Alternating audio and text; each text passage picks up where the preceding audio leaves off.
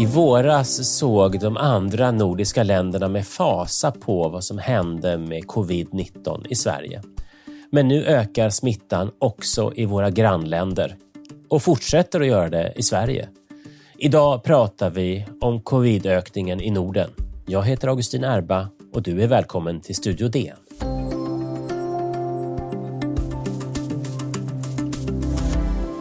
Då börjar jag med att säga välkommen till Hanna Grosshög och Claes Svan, reportrar på Dagens Nyheter. Välkomna! Tackar. Tack så mycket. Som ni är här för att prata om den nordiska smittan och ha lite koll på vad som händer i våra grannländer ska vi börja med Finland. Claes Svan, vad händer i Finland? Som du nämnde i början här så har det varit lugnt i många av våra grannländer men även i Finland då, som har klarat sig väldigt bra ifrån eh, smittan än så länge så ökar ju antalet smittade nu på ett sätt som oroar Eh, myndigheten. Jag pratade med eh, Smittskyddsinstitutets eh, generaldirektör Marko Tervahauta för ett par dagar sedan och speciellt då i Helsingforsområdet så spårar man nu bara 40 till 50 procent utav de smittade och det är väldigt lågt medan man i riket i övrigt ligger på 80 till 90 procent.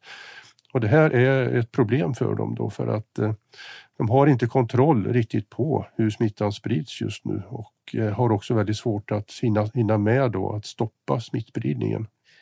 Um, om man tittar på de här 50 procenten som, som man inte spårar, eh, hur har man valt det?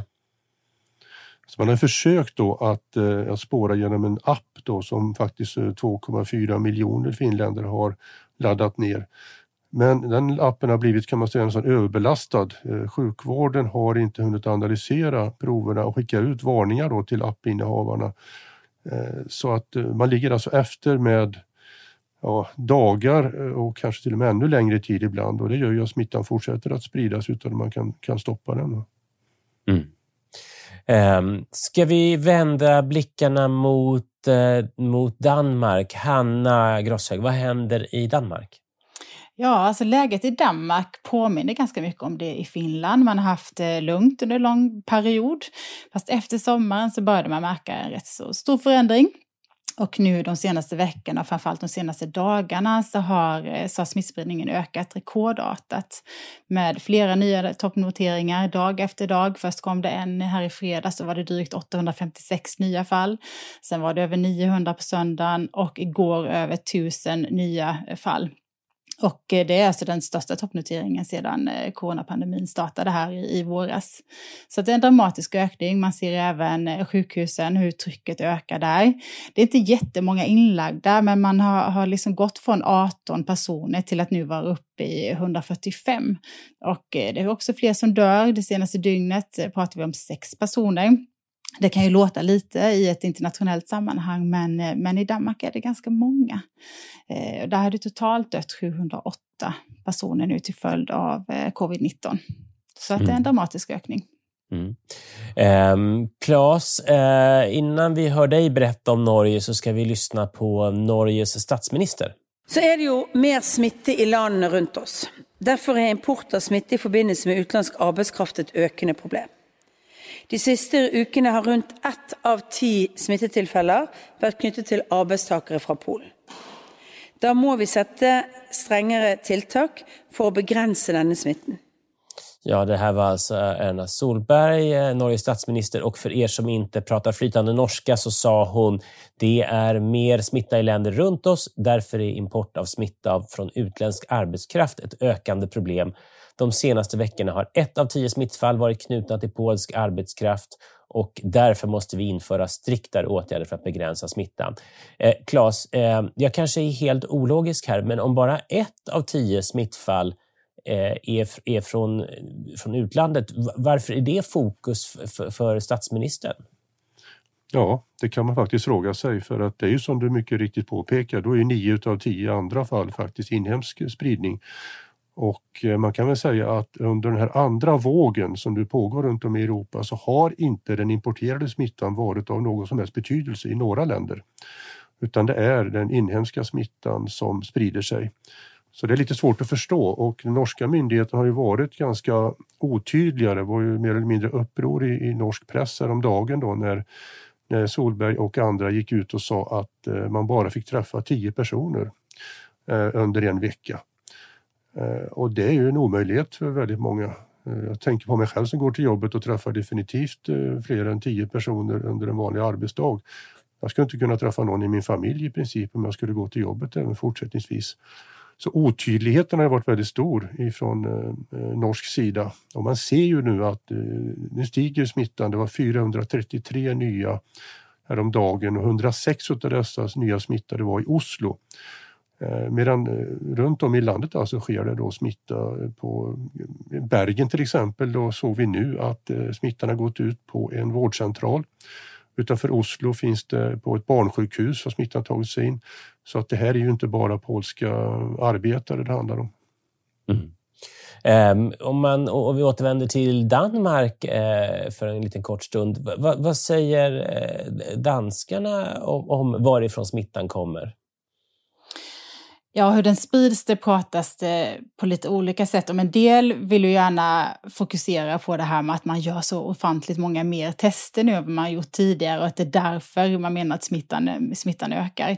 Sen så de studier som har gjorts visar att smittan ökar framförallt bland unga danskar mellan 18 och 29 år.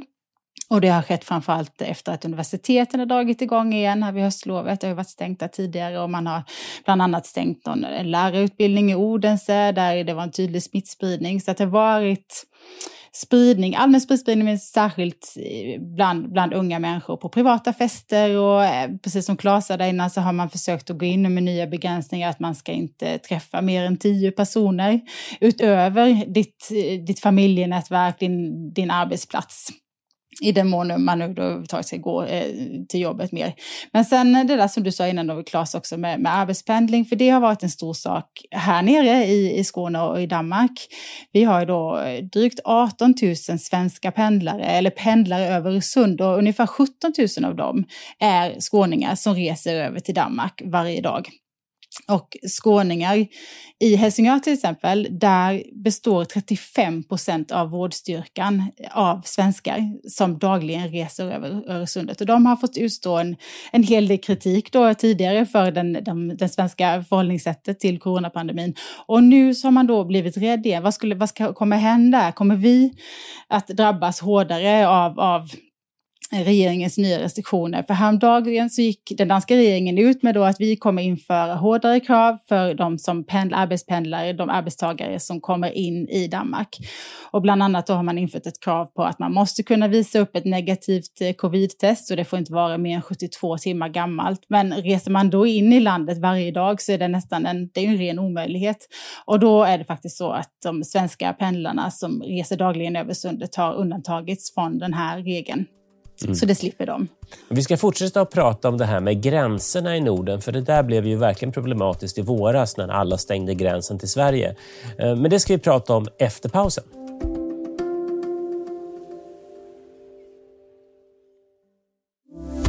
Välkommen tillbaka till Studio DN där vi pratar om smittan, den ökande smittan i Norden. Det är så tråkigt att det fortsätter att öka här ehm, och vi nu ser ut att vara på väg in i någon slags andra våg. Eh, jag pratar med Claes Svan och Hanna Grosshög, reportrar på Dagens Nyheter. Ska vi börja med att lyssna på den danska statsministern?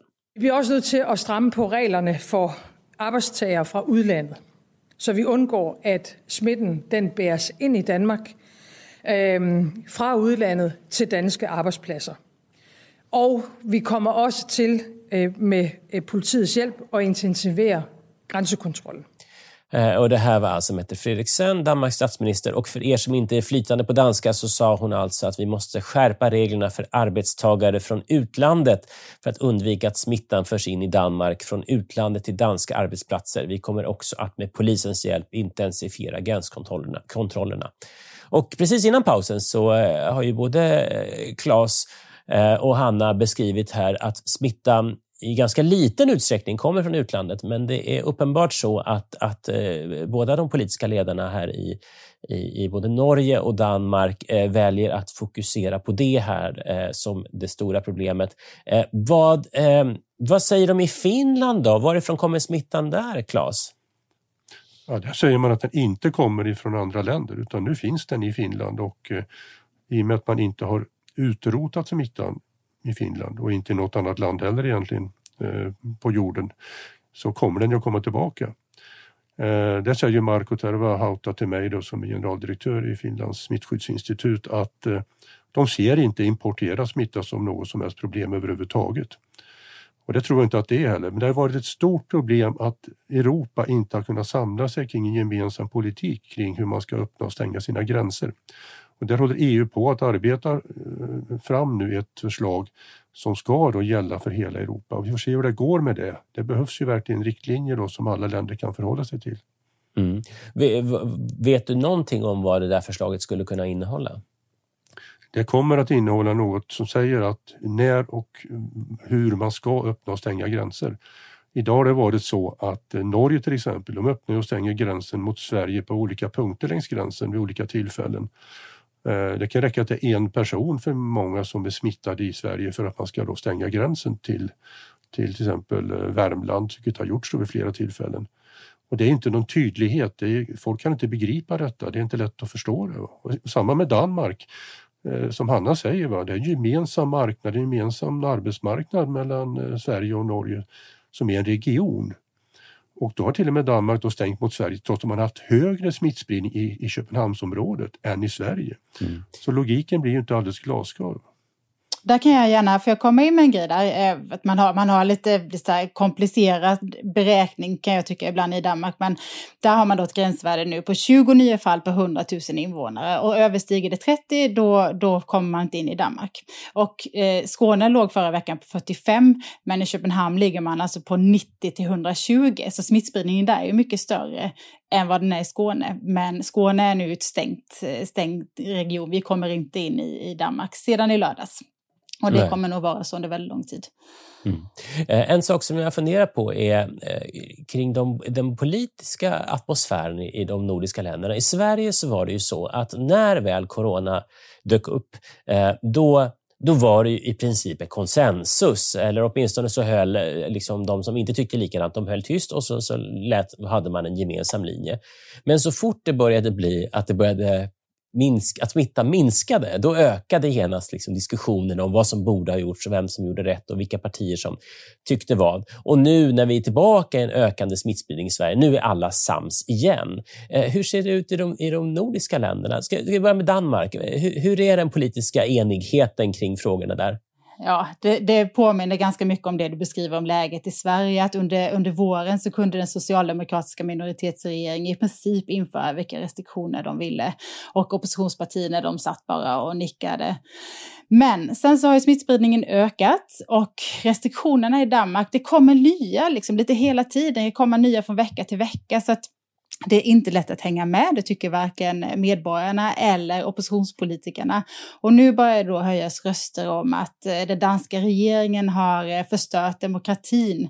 Eh, och oppositionsledaren för det största oppositionspartiet, Jakob Ellemann Jensen i, i Venstre, han har blivit väldigt trött på det här och tycker att ja, kan man inte förklara varför en restriktion införs, då, då får ni helt enkelt ta bort den istället. Ni får slopa den och inför, återinföra demokratin igen. Vi måste få vara med och bestämma om detta.